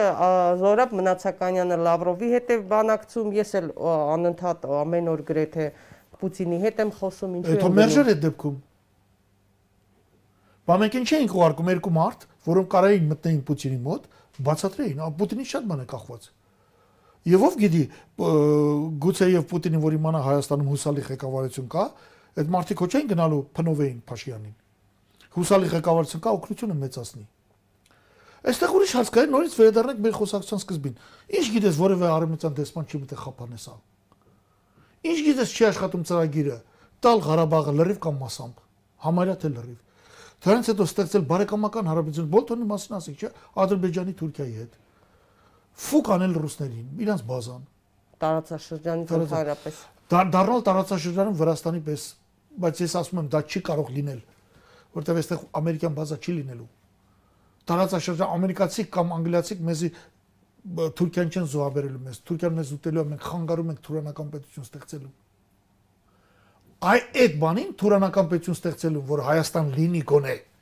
գոնե այս մասով Ռուսաստանը 100% բան կանգնած է անսասան ձևով կանգնած է։ Եվ Չինաստանի դեպ կանգնած էր։ Չկա, կա ուրիշ բարեկամ կա ասեք, ասեք ես չեմ չեմ անում։ Ես կրկնում եմ, սա ենթադրություն է սոսկ։ Սա ենթադրություն է սոսկ։ Պարոն Բագրատյան, քաղաքական ուժերը հավաքվել էին Դաշնակցության գրասենյակում, երկու տասնյակ եւ ավելի կարծեմ քաղաքական ուժեր, եւ նշվում էր, որ հայտարարության տեքստ է պատրաստում, դեռևս հայտարարության տեքստը հայտնի չէ, բայց մամուլում տեղեկություններ եղան, որ նաեւ այդ տեքստում հնարավոր է լինի Նիկոլ Փաշինյանի հրաժարականի պահանջը իշխան Սաղաթելյանը հայ դաշնակցության հեղափոխական դաշնակցության ներկայացիչը ասել էր, որ չի կարող մյուս քաղաքական ուժերի փոխարեն պատասխանել, խնդրում եմ անդրադառնանք սրան եւ նաեւ նախ ինչ քննարկում է եղել, ինչ մտահոգություններ են հնչել եւ նաեւ խնդրում եմ պատասխանեք իշխանության եւ իշխանամերձ շրջանակների այն հայտարարություններին, որ ահա այն ուժերը, ովքեր պահանջում են Նիկոլ Փաշինյանի հրաժարականը, նրանք ուզում են պարզապես իշխանության խնդիր լուծեն, իշխանության զավթում են ուզում անել եւ այլն եւ այլն, հա։ Դուք ուզում եք իշխանություն զավթել, դուք ուզում եք իշխանության գալ, հա, այս իրավիճակում։ Մյուս կողմից մասնագետներն ասում են, այս իրավիճակում որևէ մեկը նույնիսկ կվախենա ստանձնել պատասխանատվություն երկրի վարչապետի կամ երկրի նախագահի դերում, որովհետեւ ինստիտուտներ են վերածվել ի վերջո պատերազմի հետևանքները դեռ պատերազմը չավարտված տնտեսությունն է ծանր վիճակում շատ որևէ մեկը դժվար թե այսպես արագ համարցակվի իշխանություն ստանձնել Սա այդտեղ քննարկումներ կան։ Ես կողմ եմ եղել ինչպես պատրաստ եմ ստորագրել նրա հրաժարականին Փաշինյանի, այնպես էլ գուցե ինքը մնա կողք ռազմական կոմիտեի, թող դա լինի, ավելին ավելացնել եմ, որ անպայման պետք է հեռանա Արմեն Սարգսյանը։ Դրանից ավել ոչինչ ես ասել չեմ կարող։ Իրեն գիտեմ, որ ես պատրաստ ես ստորագրել եմ։ Թող թե հիմա հրաապարակեն թե ոնց, որովհետև որոշ ուժեր գուցե ժամանակ են խնդրել, շատ չեմ հետաքրքրվում։ Հիմա կստանձնեի արդյոք որից է մեկը Նիկոլ Փաշինյանի պաշտոն, այո։ Իմացող մարդը, այո։ Մարդը, որը կարա ասի խփեք գազամուղերին, նավթամուղերին։ Մեր վրա խոսալու աշխարհը, բայց օրինակ Ռուսաստանը միայն հրճվելու է։ Եվ բոլորը հասկանալու են, որ Ադրբեջանը Դրա համար էլ չեն թողնի աշխարհական տարբեր կենտրոններ։ Այո, դրա համար Արմեն Սարգսյանը նման մարդիկ պիտի լինեն ղեկավար ստեղ։ Հիմա ինչը վերջ կնանք, լսի։ Բայց հիմա մեզի պետք է մարդ, որ այսպեսի համարցակ որոշում է, մենք այդ օրասական վիճակում ենք։ Բերենք մեկ այլ բան։ Եվ որ պատերազմը սկսվեց, ես առաջարկել եմ 10 ուժեղ բան կա, մի հատ էլ ասեմ, որի մասին նորից ասվել է, ես ինքս եմ ասել, ուրիշներն են ասել, ես ասեցի, վերցեք ատոմակայի թափոնները, տարեք շախ տվեք մեր զորքերի հետևը։ Կարիդոր թողեք, միջանց մեր զորքերը թող թող կան, հետո միջանցքը փակեք նորից այդ թափոնները, տենամ ոնց է թուրքական բանակը հարցակվում։ Լսում եք ինձ։ Հիմա այս մարդն անդադ ասում էր դուխով, դուխով, սրա դուխը երիկում է ներ քաղաքական հալածանքների համար։ Արա, այս միակ բանն է, որ Ադրբեջանն ու Թուրքիան չունեն, թափոնները։ Սատիկ ես հեշտ բաներ չեմ ասում, սրա համար ին գլխի համար փող են խոստը բան արել իրանք, է։ Այն որ ասում եք միջուկային զենք ունենք, միջուկային զենք ունենք, դա նկատի ունենք։ Ավելին ասում են միջուկային զենք ունենք, սարքեք ռում։ Հիմա ռում սարքեք, հարստացեք, սարքեք։ Դա նկատի ունենք։ Այո, Հիմա պետք է նաև մի մարդ, որ առաջիկա 10 տարում Հայաստանում միջուկային ռուբ կստեղծի, որտեվ 5 տարի հետո Էրդողանը ունենալու է։ Արդեն 15 երկիր ունեն։ Հիմա ինչ եք ուզում։ Թող թող անի, թող աշխատի, եթե կարողանում է։ Հիմա այս պայմաններում այո, թող գնա, բա, բա ինչ անում։ Ազնվությունից են խոսում, որ թափանցիկություն կա ֆինանսներում։ Այդ ազնիվներն են, որ 200 միլիոն արդեն պարկեավաճեր են բաժանել հիմա էլ շարունակվում էին հա? իհարկե որոշ ֆոնդերի են փոխանցել եւ կ ូវ իդի ֆոնդին, հա, հա 5-10%-ը փոխանցել են կ ូវ իդի ֆոնդին, հետո մտել են բյուջեից գողանում ինչքան ուզում են, ինչ է, առաջ sense թեմա չկար։ Ինչ է վճար։ Կամ այդ որ ասում են թալան եւ այլն, հայ հա, հարգելի հայեր 2020 թվականին մենք բյուջե կունենանք եկամուտ 1 տրիլիոն 440 միլիարդ։ Այս պայն 9 ամսով 1 տրիլիոն 148 Պիտի ունենայինք 1 տրիլիոն 695։ Կունենայինք 250 միլիարդ դրամով պակաս։ 1000 2017 թվին ունեցել ենք 1 տրիլիոն 240 միլիարդ։ 200 միլիարդ ավելացել բյուջեն 3 տարում եւ 10%-ը գնաճն է։ Բյուջե չի ավելանում։ Առաջ ռեալ ավելանում էր եւ մենք դժգոհ ենք այն առաջվանից։ Տարեկան 50-ից 100 միլիարդ։ Այսինքն, եթե բյուջե հնա հարաբերությունը նույնն է, ուրեմն պայքար չկա ոչ մի կոռուպցիայի դեմ կապ չունի ինչ ձևի պայքարանում ես բյուջե հնա հարաբերությունը պիտի փոխվի հիմա այս սուտ հեքիաթին հայ ժողովուրդը հանդիպել գնացեք ձեր վարչապետի հետ հավատացեք այս սուտ հեքիաթներին մենք էլ ձևավորում ենք ժողովրդի այն հատվածը որի որին ճիշտը ասում ենք Որտեղ մենք ուզում ենք այս երկրում ապրենք։ Ես առիթ ունեցել եմ հերոստադիտողից ներողություն խնդրելու այն կապակցությամբ, որ այս ռազմական դրությունով պայմանավորված խիստ սահմանափակումներ են, գիտեք, մեդիաներս էլ դուշտուգանքների սպառնալիքի տակ ենք աշխատում եւ ցավոք չենք կարողանում հերոստադիտողին կամ այլ հասարակ մեր ընթերցողին լսարանին ամբողջ ճշմարտությունը փոխանցել եւ հիմնականում սահմանափակվում ենք պաշտոնական տեղեկատվությամբ, որը ինչպես այսօր տեսնում ենք թեկուզ Շուշիում շուրջ տեղի ունեցող դեպքերով անընդհատ իրար համերժ տեսակետներ են գալիս, ասենք Արծուն Հովանիսյանը մի բան է ասում, Արցախից այլ բան են ասում գլխավոր շտաբից, այլ բան է Արծուն Հովանեսյանին, որ գրում էի սա ինքնաթիռ առնելուց, որ ասում է հա, դրոնի դեմ հակաօտանջ հունվար 31 2020 թիվ մի բաներից իրան դիմել են ինքը միջամտել էր, ընդ կոմենտներ էին գրել, էլի թե ճիշտ ասում ես, մատը սխալ ասում։ Այդպես հարցերը այդ հարթակում չեն քննարկվում։ Դա շատ բարդ հարց է։ Հետո parzվեց, որ parzվեց, որ շատ էլ հասարակ հարց է, որ ընդհանրապես որևէ քննարկում չի եղել, որ էմոցիաների տակ տարել են փողը տվել են, դա առել են վարչապետի կարգադրությամբ։ Առաջի 10 օրից հետո, եթե ռուսական մատակարարումները չլինեն, մենք հանձնվել էինք վաղուց։ Շարունակվել են այսինքն մատակարարումները։ Այո։ Սա պետք է հայ ժողովուրդն իմանա, պարտավոր է իմանալ մատակարարությունը վաճառքն է։ Ինչ որ ապորինի բան չկա, որ միշտ արել են։ Չկա մեր մոտ կանգնած ուրիշ երկրորդ երկիր չկա, որ գոնե մի հատ փամփուշ գրպանից քանի մեզ կտա։ Բայց արդյոք ճիշտ էր Արծրուն Հովանեսյանի այդ հայտարարությունը։ Չգիտեմ, Արծրուն Հովանեսյանին հրավիրեք, թող ինքը ասի, ես չգիտեմ, բայց ամենայն դեպս իմեջը որ արեց այդ հայտարարությունը հունվարի 31-ին։ Հիմա այսօր նոյեմբերի 9-ն է, բարձրացած որ ինքը սխալ էր։ Պարոն Բագրատյան։ Այսինքն մենք քանի հատ հակադրոնային հարմարան կարային գնեինք։ Պարոն Բագրատյան, հիմա տեսեք, դուք պահանջում եք հրաժարական, ասենք ենթադրեք քաղաքական ուժերը պահանջում են Նիկոլ Փաշինյանի հրաժարականը, կա երկու ճանապարհ՝ իրավական եւ քաղաքական ճանապարհ։ Ես մի դեպքում միացել եմ Վազգեն Մանուկյանին։ Այո։ Որտեղ ասվում է նոր մարմին ստեղծել։ Երկրորդը քաղաքական ուժերն ասում են պահանջ կլինի, պատրաստ միանալու, դեռ չեն հրապարակել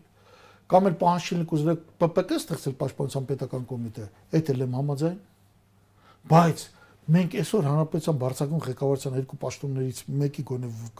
գծով պետք է ունենք փոփոխություն, որ մեր ռազմավարական դաշնակիցը համոզվի։ Պարոն Բագրատյան, քաղաքական ուժերը, որոնք հնչեցնում են վարչապետի հրաժարականի հարցը, ուզում եմ հիշեցնել, որ վարչապետի անվստահության հարց կարող է բարձրացվել ռազմական դրության ժամանակ բավական բարդ է բարձրացնելը եւ պետք է ազգային ժողովի 1/3-ը ձայների ունենա որpիսի այդ հարցը քննարկման դնել այն այն էլ սկզբում ռազմական դրությունը վերացնել այնուհետև անվստահության հարց բարձրացնել եւ նոր վարչապետ ընտրել Հիմա այդ ճանապարհը կարծես չի ստացվում, որտեղ 1/3-ը խորթանի չի բավարարում ձայների այդքան հարաբերակցություն չի ապահովելու։ Մնում է քաղաքական ճանապարհը։ Քաղաքական ճանապարհը կարծես դա դա էլ կախված է, ասենք, տվյալ վարչապետի, օրինակ վարչապետի ցանկությունից։ Ինքը օրինակ ասում է ես հրաժարական չեմ տալիս եւ ինչ է լինում մնում է ճանապարհը որ ճանապարհն է նայեք իմ մոտեցումն այն է որ լեզու գտնենք որ խնդրեմ դու գնա գնա քո համար ապրի Իսկ ինքն էլ ասում է ես ինչու պետք է գնամ, ես Okay, okay, դեպքում արդեն ինքը թող գնա իր Դե ինքն էլ օրինակ ասում է, տեսեք, երկիրը հասցրել են այս վիճակին, թալանվել է, տեսեք բաներ անում, վարկաբեկվում էր, գեներալիտետը, որ էս են արել, են են արել, հա, այսինքն մեղքերը բարթել միայն նախկինների վրա, այն դեպքում, երբ որ ի վերջո նաև նախկինների ձեռք բերած զենքով են հենց կռվում այսօր մեր զինվորները։ Հիմա ասում է, տեսեք, երկիրը այս վիճակում էին հասցրել, բերել հասցրել,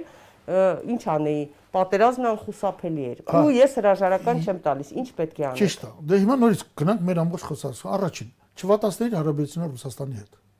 Երկրորդ, Գրանտակեր սորոսականներ այդպես խառը ասեմ, չբերեի չլցեի այդ թվում անվտանգության մարմինները, անվտանգության խորհրդի սկսած եւ այլ եւ այլն, որոնց չեմ վստահում կառավարության փոխվարչապետի մակարդակ եւ այլ եւ այլ եւ այլ։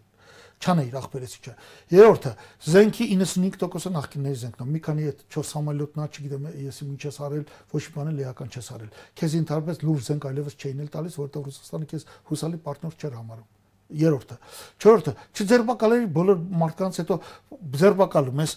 բանես գտնում գրավես անում հանում ես իսկ զինվորականությանը ընդհանրապես չգլխատեիր նա գլխատեց հին զինվորականությանը որը 90-ականներին պատերազմին կամ 2010 այս օրերին նաև զերծ պարվեցին 5-րդը չմոգոնեիր այդ ապրիլյան հանձնաժողովի ինչ հանձնաժողով է քննարկում 80 թե 800 հեկտար հող է կանցել 8000 6040 կիլոմետր կարտնանցն է բա հիմա ինչ ձևակերպ ենք Վարդ ես կարծում կարծում եմ եթե նա հայրենիքը սիրում է Հայաստանը սիրում է իմ անձնական կարծիքն է կան մարդիկ որոնք այս պահին չեմ ասում հրաշքներ կգործեն բայց կաշխատեն շատ ավելի լավ որոնք ապացուցել են որ ավելի լավ են աշխատում ուզում եմ հավատացնել ձեզ որ ամենևին խոսքը իմ անձի մասին չի այդպիսի մարդիկ մոտ 20 մարդ կա առնվազն որոնք մի բանի կարող են հասնել Այսինքն հո իր ասելով չի, ինքը անդադ ասում է, ինքը ինքը այնքան է մարդկանց բանալի կերել են, թալանել են, էս են արել, ինչ են արել։ Դուք ճանաչում եք մեկին, որը արդեն դատվել է 3 տարի անցել։ Ճանաչում եք մեկին, որը դատարանը դատել է, կամ ինչ որ ասել է, բերես կամ դգդգուզ մի դոլար դատարանի որոշումից հետո բյուջե փողա բերե տվել։ Փոքր մունտ մանր մունր բաներ են, որոնք առաջ էլ կային։ Հասկանում եք, դա այդպես ասելով չի։ Այսինքն այդ հույբույը, որ 18-ին անում է, իր ձևն է իրացիոնալ ձևով մեկում մեղադրել ու մինչև վերջ ճնշել։ Հիմա մինչև վերջ ճնշելու են իրա վրա։ Կոպեկ կոպեկ չեն հետ բերվել բաները։ Բավական ինչ որ ասում էր գումարները հետ բերել բյուջե։ Լսի, սիրելիս, այդ բյուջեն կազմում է հնայի 22.2%-ական ինչպես նախկինում այնպես էլ հիմա։ Այդ որ փողն է հետ բերել։ Ուրեմն եթե հետ է բերել, հետ է բերել այնքան, ինչքան նախկիները բերում էին, միգուցե նույնիսկ ավելի էին բերում։ Բովոր բյուջեն բերել է, հնա այն նկատմամբ բյուջեն կբարձանա, չէ։ Մի բա բարձացավ մի տոկոս այն ավտոների հաշվին։ Այն որ բերեցին 100 միլիարդ, հիմա չգիտեն այդ ավտոները ինչ անեն։ 100 միլիարդ դրամով ավելացավ բյուջեի եկամուտները, այդ ա եղել։ Պարոն Բագրատյան, Ջո Բայդենի հաղթանակը իրավական առումով եթե հաստատվի, ինչ կարող է ակնկալել Հայաստանը նոր նախագահի վարչակազմից, որևէ բան կփոխվի նրանց դիրքորոշման մեջ, ի նպաստ մեզ։ Ինչու եմ սա հարցնում, որովհետև մեր իշխանական շրջանակներից շատ շատերը ոչ միայն կարծես լծված էին նույնիսկ այս պատերազմական օրերին սոցցանցերում Բայդենի քարոզարշավին, հիմա անուններ չնշեմ, հա, բայց փաստեր կան, կարող ենք հրապարակել, այլև մեծ սպասումներ ունեն։ Փաշինյանը շտապեց շնորհավորել Բայդենին, Արմեն Սարգսյանը շտապեց ինչ ակնկալիքներ ունեինք, օրինակ ամերիկագետներն ասում են, որ որևէ սպասելիք չպետք է ունենալու, ինչպես Թրամփի ժամանակ ունեինք սպասելիք, բայց այդպես էլ որևէ բան տեղի չունեցավ։ Նույնը հիմա, նաև հիշենք, նույն Ռուսաստանը նույնիսկ Թրամփից ինչ սպասելիքներ ուներ եւ ինչ պատժամիջոցների տակ ընկավ։ Ես կարծում եմ սպասելիքներ պետք չէ ունենալ։ Նախ այո, Բայդենը պրոհայկական շատ արտահայտվել է, հետո ինչ։ Ի տարբերություն Թրամփի Բայց երեք արդեն Բայդենը հայտարարեց, որ ինքը Ռուսաստանի թշնամի է դիտարկում։ Ահա։ Մենք արդեն Բայդենի հետ զգուշ պիտի հարաբերություններ բանանենք, որտեղ մեր ռազմավարական դաշնակիցն ասել է, ինչ է կանելու։ Երկրորդ, երկրորդ, նրանք ովքեր ողջորվել են գնացել Բայդենի համար աշխատում են։ Հայաստանը չի մտնում Ամերիկայի կենսական հետաքրքրությունների շրջանակի մեջ։ Հայաստանը նրանց հետաքրքրում այնքանով, որքանով այստեղ մի հատ խնդրեմ լինի Ռուսաստանի կամ չգիտեմ ինչ դեմ։ Նրանք զարգացրել են հակառուսական տրամադրվածությունը աշխարհում։ Երորդ Այսօր չդառնա երկրորդ Վուդրո Վիլսոնը, Վիլսոնը, հասկանում եք, ներողություն, բայց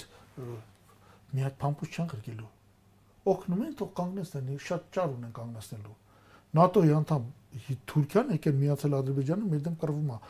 ընտրությունները այստեղ կապ չունեն, թող հայտարարություն անի Թուրքիային։ Թող ասի 24 ժամ ժամանակ դուրս արի Ադրբեջանից։ Ես չեմ անվտանգ այդ ամենին։ Եվ վերջապես ես ցես բացատրեցի երկրաքաղաքականությունը, ասեցի այդ ռեգիոնալ կենտրոնները իրանց համար այս տարածքը մտնում է Թուրքիայի շահերի շրջանակը։ Այս տարածքում կա 3 պետություն, երկուսը պրոթուրքական են, այն մեկը վաբշե թուրքական պետության շարունակության Ադրբեջանը, միսը Վրաստանն է, կա Հայաստան, Հայաստանն էլ ասում են, ասեցի Ստոլտենբերգն ինչ ասել, լեզու կտեք Թուրքիայի հետ։ Ամենաիրատեսական քայլերը, որոնք հիմա այս իրավիճակում ինչ պետք է արվեն, ինչ պետք է արնվի, եթե, ասենք, կառավարությունը ինչ քայլեր պետք է անի, դեռ չեմ ուզում խոսել բյուջեի մասին, որը քննարկվում է, որքանով է այն իրատեսական եւ այսօր նույնիսկ նաև պատերազմով պայմանավորված մեր մարտահրավերներին համ հա, համապատասխանում կամ արտացոլում հա պատկերը ինչ պետք է հիմա հրատապ քայլեր արվեն երկու էական բան կա առաջինը ստեղծի որ այդ ռազմաքաղաքական այդ պաշտպանության պետական կոմիտեն որը որին հանձնվի երկրի սահմանադրությամբ դա թույլատրելի է խորհրդատվական կառավարման մի հզոր հատված եւ երկրորդը վերևում այնտեղ երկու ֆիգուրա եմ ես տեսնում Փաշինյան, Արմեն Սարգսյան, դրանցից մեկը պետք է փոխարինվի պրոռուսական գործիչով։ նրանք ինքնական պիտի հեռանան եւ մենք դրանից հետո որպեսի ակնկալիքն այն է որպեսի ավելի մեծանա օգնությունը ինչ վերաբերում ՊՊԿ շտաբին այնտեղ ես տեսնում եմ մոտավորապես 15 հատ կարևորագույն քայլ որ կանեինք որը գուցե փոխի իրավիճակը ռազմաճակատ մեզ հավատում եմ մեր զինված ուժերին շատ պինդ տղեկ են շատ շատ լավն են ընտիր են բայց ես ասեմ նաեւ որ այնքանով որքանով ես եմ պատկերացնում այս անգամ պատերազմը հնարավոր է նաև սկսեն ռմբակոծել Հայաստանի տարածքը եւ այլ եւ այլն բայց ես շանս չեմ տեսնում։ Մենք չենք կարող Հայաստանը քաղաքված տենալ, ասել տվել ենք ձեզ սալտատներ, Ղարաբաղ, տեսեք ինչքան եք դիմանում։ Չէ։ Սա ձև չի։ Սա ինքը պաստանովկեն, ինչպես են ասում պաստանովկեն հայերեն։ Բեմականացումը, բեմադրությունը։ Սրա բեմականացումն արդեն սխալ է։ Բացահայտ սխալ է։ Լավ, ենթադրենք երկուսն էլ ձեր նշած անձինք հրաժարվում են հրաժարական ներկայացնել, ինչ պետք է անել Ռուսաստանն էլ այսպես Ռուսաստանը կսկսի մեզ օգնել Ես օրինակ, եթե օրինակ մեկը ես լինեմ, ես կդիմեմ Ռուսաստանին, ասեմ, եկեք terroristներն անեք, Ամերիկանին էլ կդիմեմ։ Terroristներն անեք մեր երկրից, Ղարաբաղից։ Հասկանում ես։ Հա։ Կամ ես, ես, այո, ես ես կասեմ բանակին համաձայնություն կտամ, բանակն է որոշում, համաձայնություն կտամ խփեք նավթամուխին։ Ես այս բաները, որ իմ ասում եմ, ես հիմա մի հատ տեղի տամ Եվրոպայում բռնել տանել։ Հրաժարական չեն տալիս, ինչ է լինում։ կկործանվի երկիրը։ Կա այս տարբերակներ, որ մարդիկ մտածում են, որ գուցե մտածում են, որ իրավիճակը վատ է, է ավելի լավ է ամեն ինչ կործանվի, որ իրանց էլ պատասխանատվության չկանչեն։ Չի լինելու դες բան։ Կործանվում է երկիրը, դուք չեք անում։ Անտատ ասում ես դուխով դուխով քայլեր կան, որ պիտի անես, արա։ Չես անում, թող գնա։ Հələ շնորհակալություն հայտնի, որ ասում եք թող գնա, որովհետեւ մենակ թող գնալով ստեղ չի, արդեն հարցերը մենակ դրանով կարող է մարդիկ չբավարարեն։ Առայժմ սա ասվում է։ Էս ի՞նչ է։ Ամիսը մեկ շաբաթը մեկ ԱՀՑ տնօրեն եք փոխում։ Էս ի՞նչ ես անում։ Բան ինչի՞ չես փոխում բանին, Արսեն Թորոսյանին, որ ամենավատ ցուցանիշն ունի կորոնավիրուսով։ Այս փակ երկրում, պատերազմի մեջ գտնվող երկրում։ Մոտարապես 40 ունենք Դա ասում են իրանք ինչ անեն, ամբողջ աշխարհն է կորոնավիրուսի համավարակ։ Մեր աշխարհի միջին նո, կներես, աշխարհում 50 միլիոն է վարակված։ Հայաստանում մոտ 100.000։ Հայաստանի բնակչությունը 3 միլիոն է։ Հասկանում եք։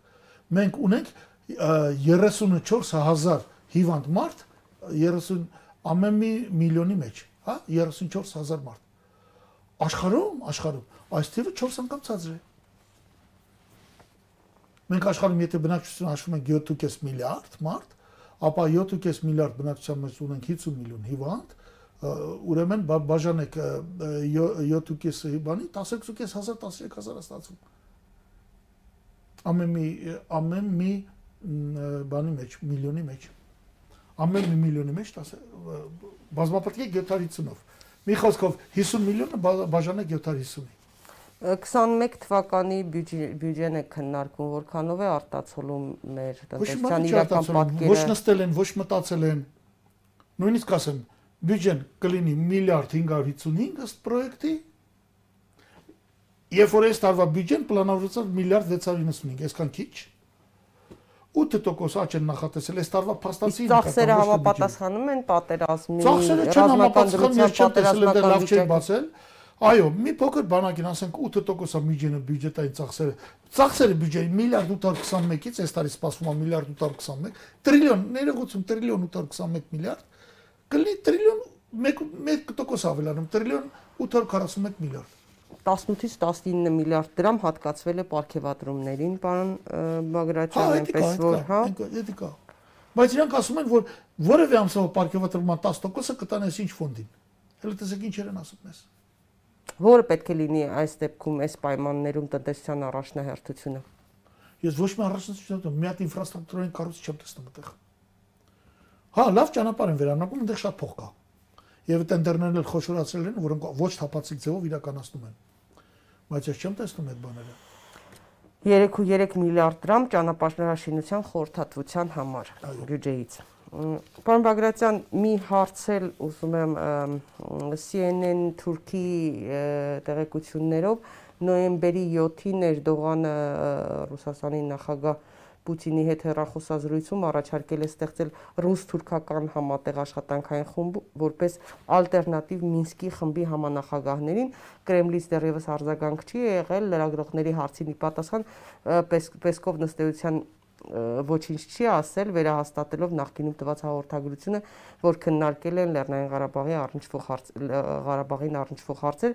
իսկ Ալիևը BBC-ին տված հարցազրույցում ասում է, թե հնարավոր չէ բանակցել Հայաստանի վարչապետի հետ։ Ինչ են իրականում նախապատրաստում Ադրբեջանն ու Թուրքիան ըստ ձեզ։ Ես նկատում եմ մի բան, որ արդեն այս բանակցությունները վերջին հաշվով ընթանում են առանց Ղարաբաղի ու առանց Հայաստանի։ Նախատեսում են հետեւյալը, որ իհարկե վերականգնել Ադրբեջանի տարածքային ամբողջականությունը Ղարաբաղի որպես ինքնավարությունը կմնա, բայց առանց ղարաբաղցիներին դա ոչ ոք հետ չգնալու ապրի, որտենց լինի։ Իդեպ կոչ պիտի անե հետ գնացեք։ Մենք հաղթելու ենք։ Մի այլանդակ բան եւ նպատակն է վերացնել Մինսկի խումբը, որովհետեւ Մինս- Մինսկի խմբում կա մի խնդրեմ։ Մենք ասացինք, որ Բրիտանիայի եւ բանով, ասենք ՆԱՏՕ-ի անդամ որոշ երկրների համար շահավետ է, որ Թուրքիան այստեղ ուժեղանա, վերջապես եթե պետքա թող այդ Հայաստանն էլ վերանա, միայն թե Ռուսաստանը թույլանա, բայց կա երկրներ, օրինակ Ֆրանսիան, որոնք ատելով ատում են Թուրքիային։ Որոնք ասում են, չէ, սա ուրիշ բան է խաղում։ Եվ հա նա առաջարկում է բան անել։ Պայմանավորվենք իրար հետ։ Հայդեպ այդ պայմանավորությունը Էրդողանի ցույց է տալիս, որ Էրդողանը ոնց որ Պուտինն ասի, գիտես ինչ կա, այս ռեգիոնում երկու երկու արմատական շահունեցող պետություն կան, դուք եւ մենք։ Եվ դա այդպես էլ կա։ Հա, իհարկե, իհարկե հիմա հիմա ես չեմ կարծում մեզնից քարցնեն ինչ ձևաչափով կլինի, բան կլինի։ Եթե մենք չենք կարողանում վերակառուցել ռազմաճակատը, տնտեսությունը, հարաբերությունները Ռուսաստանի հետ փոխել, Ռուսաստանը օրեցօր համազվում է, աղբեջան ասում է, ոչ դուք մի հատ դիմեցիք օգնության համար։ Եթե դիմում չի օգնության համար, ինչ որ մի սխալ պայմանագրով դիմել եք, թե եկեք քննարկենք։ Ոչ դուք մտադրեք կադրային փոփոխություն անել Ես ինչ եք անում դուք պետանվտանգության Դա անդադ ասում են ՀԱՊԿ-ն ինչի չի դիմում։ ՀԱՊԿ ինչ են դիմում նայ։ Հա ՀԱՊԿ-ին ասում են մինչև չիմանան որ դրական կլիկ չենք դիմա։ Ալեն Սիմոնյանը այդպես ասաց։ Հա, դրական դա քո համար չես, ապա քեզ աշխատավարձ են տվել, բանեն արի իբր թե ընտրել են քեզ։ Որ քո հաճույքով չի։ Հա, էս էլ կա, իրանք ինադ են ընկնում։ Իրանք սովոր են, որ իրանք չմերժեն, հանկարծ ինչ որ մեկը կարող է մերժի։ Հələ տեսեք, երբ որ խոսքը երկրի անվտանգության մասին է, անընդունելի են այդ բացատրությունները, անընդունելի են։ Ես ես անկեղծ եմ։ Կարող են ի վերջո քայլ անել, եթե ՀԱՊԿ-ն մերժի, դուրս գալ ՀԱՊԿ-ից։ Ի վերջո, ասում էի գնացեք, հա, ասում եք սխալ, հա, գնացեք ՆԱՏՕ։ Գնացեք, այսինքն ասել, ահա, փրկեք ժողովրդին։ Փրկեք ժողովուրդ, մեկը ես էլ եմ, չէ, ասում ամերիկան ստրատեգիական գործիք է, բայց ես Ռուսաստանը ռազմաստրատեգիական է։ Հələ դիմեք, դες չեն բանանում։ Շնորհակալ եմ պարոն Բագրատյան հետաքրքիր զրույցի համար։ Հարգելի հեռուստադիտողը հիշեցնեմ, որ այսօր Արցախի պաշտպանության բանակը հրապարակել է եւս 44 նահատակված զինծառայողների անուններ պաշտոնական տվյալների համաձայն հայրենիքի պաշտպանության համար մղվող պարտերում հայկական կողմի զոհերի ընդհանուր թիվը 1221 է։ Ցավակցում ենք բոլոր զոհերի ընտանիքներին եւ նրանց հարազատներին։ Կհանդիպենք։ Բարի գիշեր։